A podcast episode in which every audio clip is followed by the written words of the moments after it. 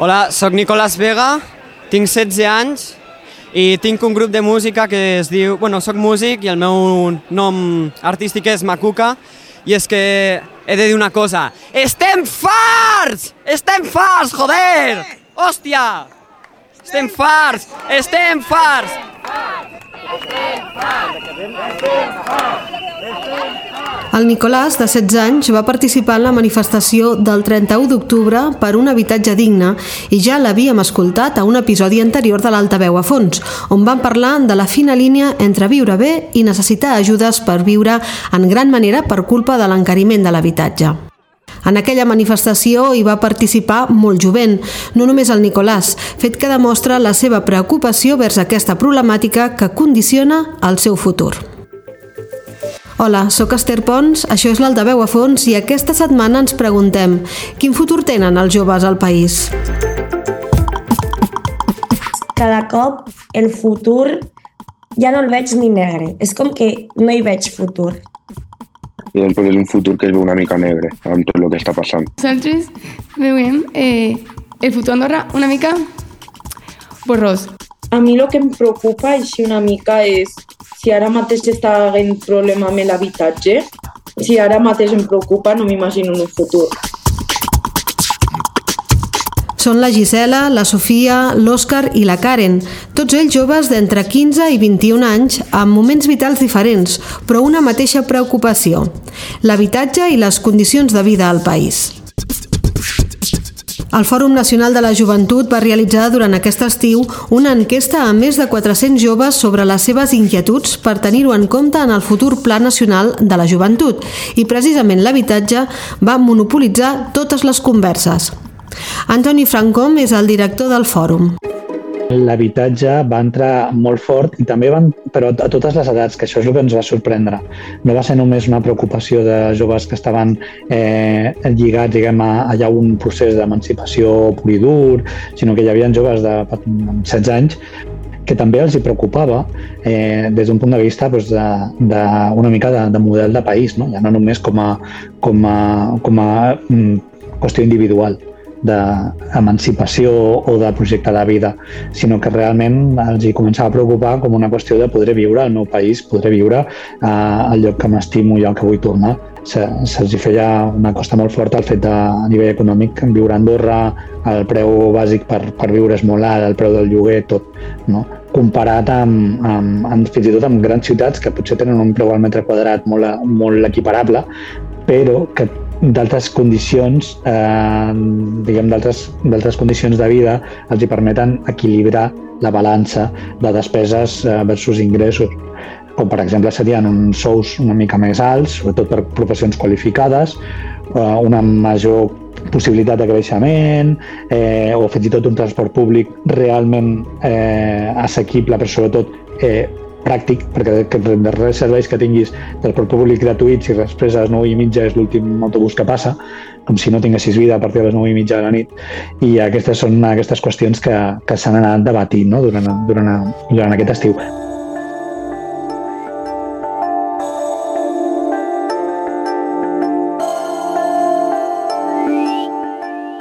Hi ha joves que es plantegen, un cop hagin acabat els estudis, no tornar a Andorra, ja sigui perquè no hi ha feina al país de la seva especialitat, perquè volen passar un temps més fora o perquè creuen que viuran millor que aquí. Bueno, tinc 21 anys, sóc del 2002 i estic estudiant treball social a la Universitat Rovira i Virgili, que està a Tarragona, la Gisela, per exemple, tenia clar que volia tornar, però d'un temps ençà s'ho està pensant. M'encantaria que fos perquè he vist molt món i tal, però no.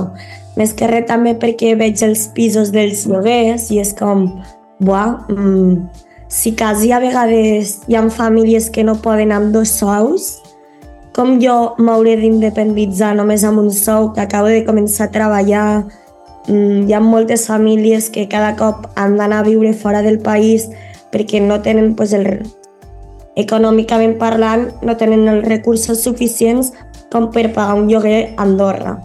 I amb les torres que s'han anat fent i tot això, és veritat que doncs, el preu de la zona i tot, vulguis o no, puja, puja de cost. Llavors sí que en aquesta en aquesta manera de parlar és com no, no, no podré independitzar-me.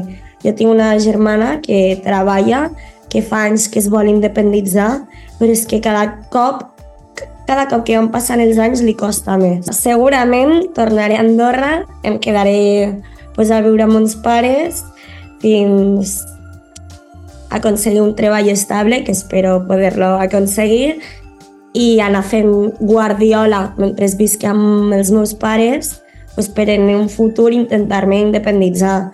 Si no, també ara ha estat com veient la possibilitat de quedar-me aquí uns anys més i així estudiant o treballant i fer guardiola aquí. Més que res perquè aquí un lloguer compartit pues, amb estudiants o amb d'altres treballadors és molt més barat que, que Andorra. Però no tots els joves tenen aquesta oportunitat. De fet, només un 30% cursen estudis superiors. L'Anthony explica que falten dades al respecte. Que és una elecció que han de fer les persones joves i l'hem hagut de fer tots quan, quan hem pogut marxar, quan hem tingut aquesta oportunitat, que tampoc és evident, eh? només un 30% dels joves tenen estudis superiors i d'aquest 30%, evidentment, si hi ha una universitat d'Andorra vol dir que, que hi ha una part que es queda a Andorra estudiant.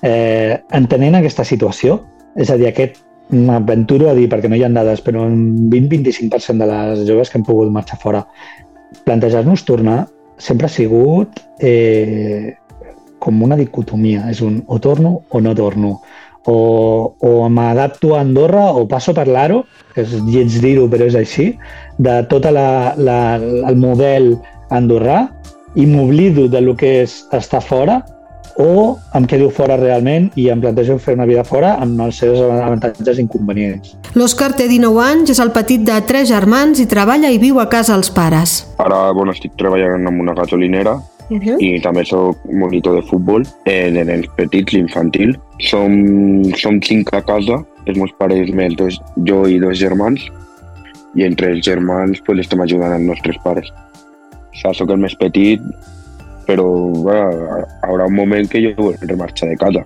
i i serà difícil. Si això continua així, doncs cada, cada vegada més serà més difícil. Aquesta és la seva circumstància i ha vist com amics seus havien de marxar d'Andorra.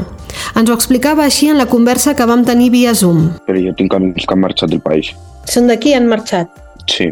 Um, pots explicar una mica el per què, què els hi ha passat? Bueno, eh, bueno, jo tinc una amiga que la seva mare bueno, vivia solament amb la seva mare perquè estava per temes familiars i no arribaven a final de mes amb el tema del lloguer i tot això i van decidir marxar cap al seu país, que és Portugal.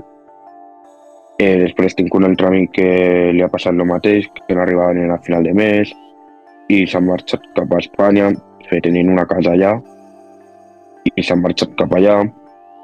I bueno, són situacions que realment quan les tens que passar pues, no agraden gens. Tant el govern com algun comú tenen ajudes perquè els joves puguin emancipar-se. Andorra la Vella, per exemple, té des de fa anys els pisos jovial. En total són 80 habitatges, 72 dels quals destinats als joves de la parròquia. Hi ha 3 estudis, 55 pisos d'una habitació i 14 de dues habitacions. Els preus que es paguen van en funció dels ingressos dels llogaters, però de mitjana són uns 300 euros. Per accedir-hi cal ser resident a Andorra la Vella els darrers 3 anys, tenir entre 18 i 35 anys, no ser titular de cap immoble, que la unitat familiar no superi els 4 membres i que dos d'aquests siguin menors a càrrec del sol·licitant, i cal disposar d'uns ingressos anuals mínims. No obstant això, actualment tots els habitatges estan ocupats i hi ha una llista d'espera de 70 persones. Pel que fa al programa d'impuls a l'emancipació dels joves del govern, l'any passat van concedir només 18 ajuts amb una subvenció total atorgada de 33.384 euros. Per què s'han concedit tan poques ajudes? Alguns dels motius els exposa l'Anthony Francom del Fòrum de la Joventut. Hi ha moltes ajudes a Andorra que passen pel fet de dir no, no, és que has d'anar al Ministeri d'Afers Socials, dir que ets pobre i quan siguis pobre llavors t'ajudaran en coses molt bàsiques que potser podrien fer d'una altra manera. I llavors entrem a, a discriminar la persona ha de, ha de posar-se en, en aquesta situació de vulnerabilitat, acceptar aquesta vulnerabilitat i dir eh, no puc viure. O, per exemple, les ajudes a l'habitatge, no? que hi ha, un, hi ha per, per les persones joves, eh, per les persones eh, de majors, em sembla, de 30 anys, és un, 20, és un 30%, per les persones de menys de 30 anys és un 35%. Eh? Mm. Estic parlant de memòria. Aquest petit eh, aquesta petita ajuda suplementària està molt bé, vull dir, no, no, no ens queixarem, però és que tu has de demostrar que ets pobre per poder demanar-la. Si ets pobre ja no t'has pogut emancipar. Llavors, com funciona això? Les ajudes a l'emancipació que es van desplegar fa dos anys o tres en, en, des del Ministeri de, Afers Socials amb, eh, de Joventut va passar el mateix. Eh, has de demostrar tenir un llindar mínim econòmic per poder emancipar-te. Llavors te les donen quan has demostrat, quan has, eh, els has passat els teus comptes eh, personals en els funcionaris del Ministeri, que ho tracta amb protecció de dades i tot, però que tu t'estàs exposant la teva vida a, a, a d'altres persones, que aquí a Andorra és una cosa que tenim molt en compte, la privacitat, després de fer tot aquest procés, et diuen si et donen l'ajuda o no, si tu et podries emancipar o no segons els seus llindars i criteris. Un cop passat un any, s'ha d'avaluar quantes persones han pogut mantenir aquesta situació, perquè la vida dona moltes voltes. I si tu t'has emancipat en parella i t'has separat, has hagut de tornar a casa els teus pares.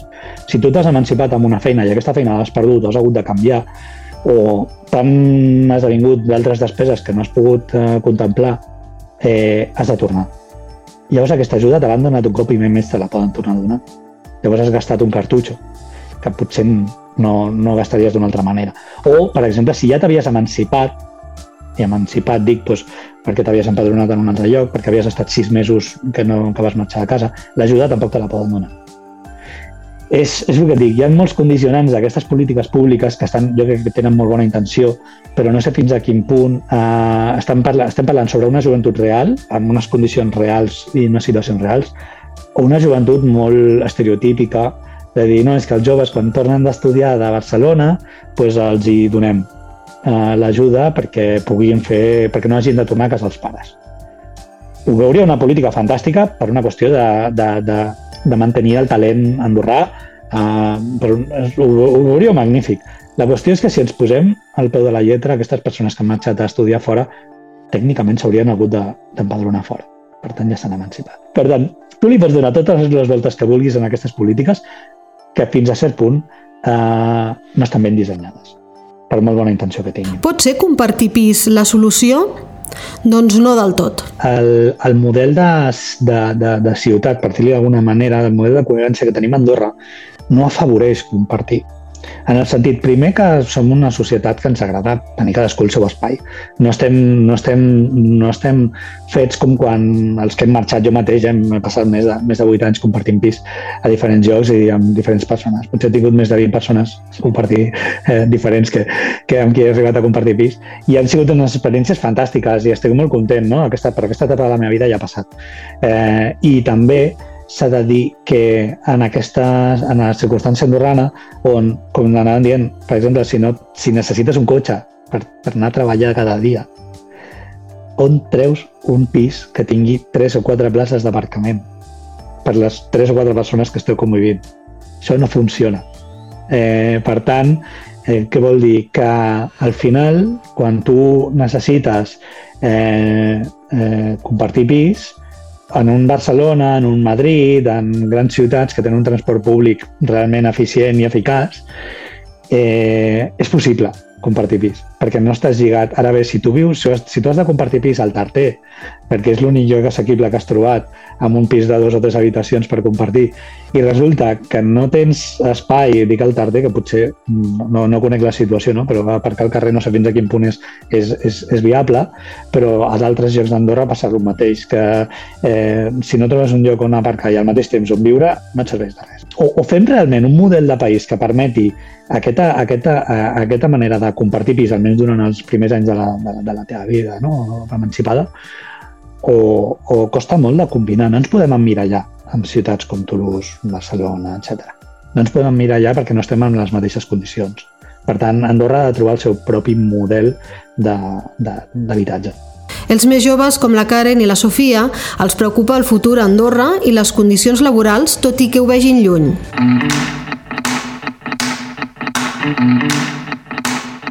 Em dic Karen, tinc 15 anys i vaig a l'escola andorrana de Santa Coloma.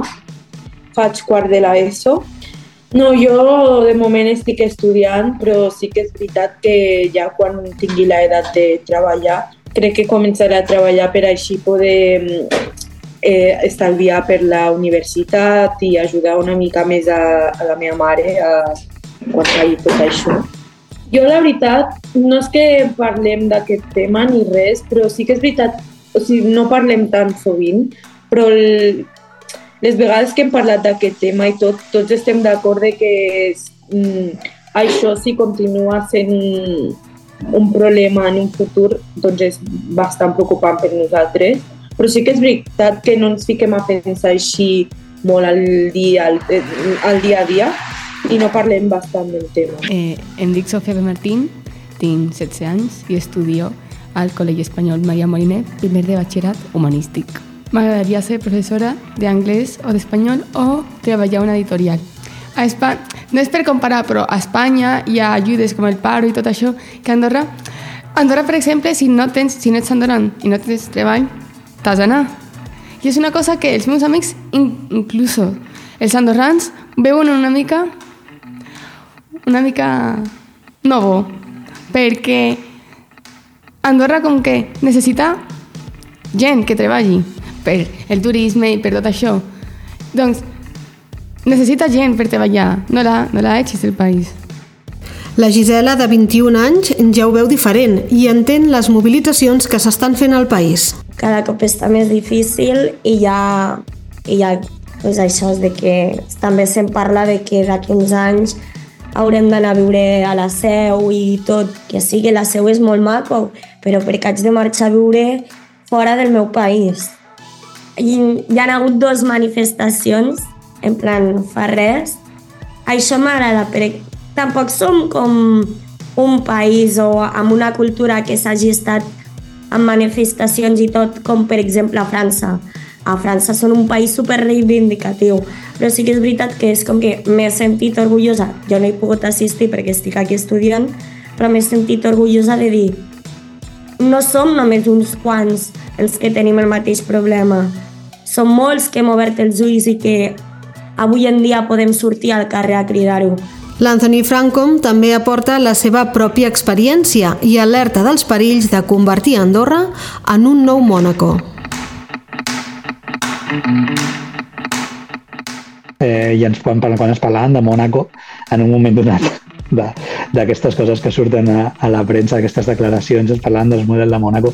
Jo he conegut gent de Mònaco, joves de Mònaco, i viuen fora de Mònaco. No viuen al país. És a dir, els seus pares encara tenen un lloc on estan visquent a dins, però ells han hagut de marxar fora, a les pobles del voltant, no?, de França. I és en plan, no, no voleu això.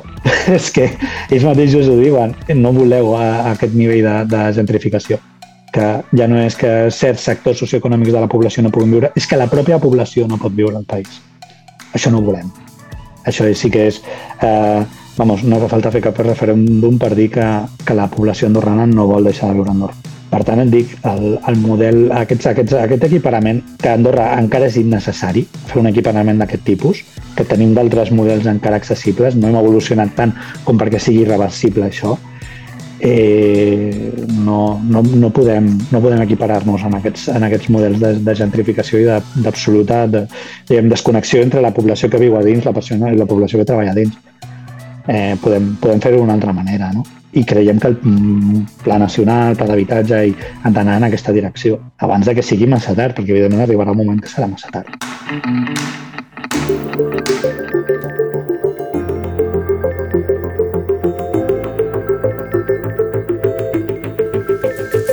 Això ha estat l'Altaveu a fons. Aquest episodi l'ha realitzat qui us parla, Esther Pons. Agraïm la col·laboració del RUSC d'Andorra la Vella, que ens ha ajudat a contactar amb els joves que hi han participat. Espero que us hagi agradat. La setmana vinent tornem amb més històries.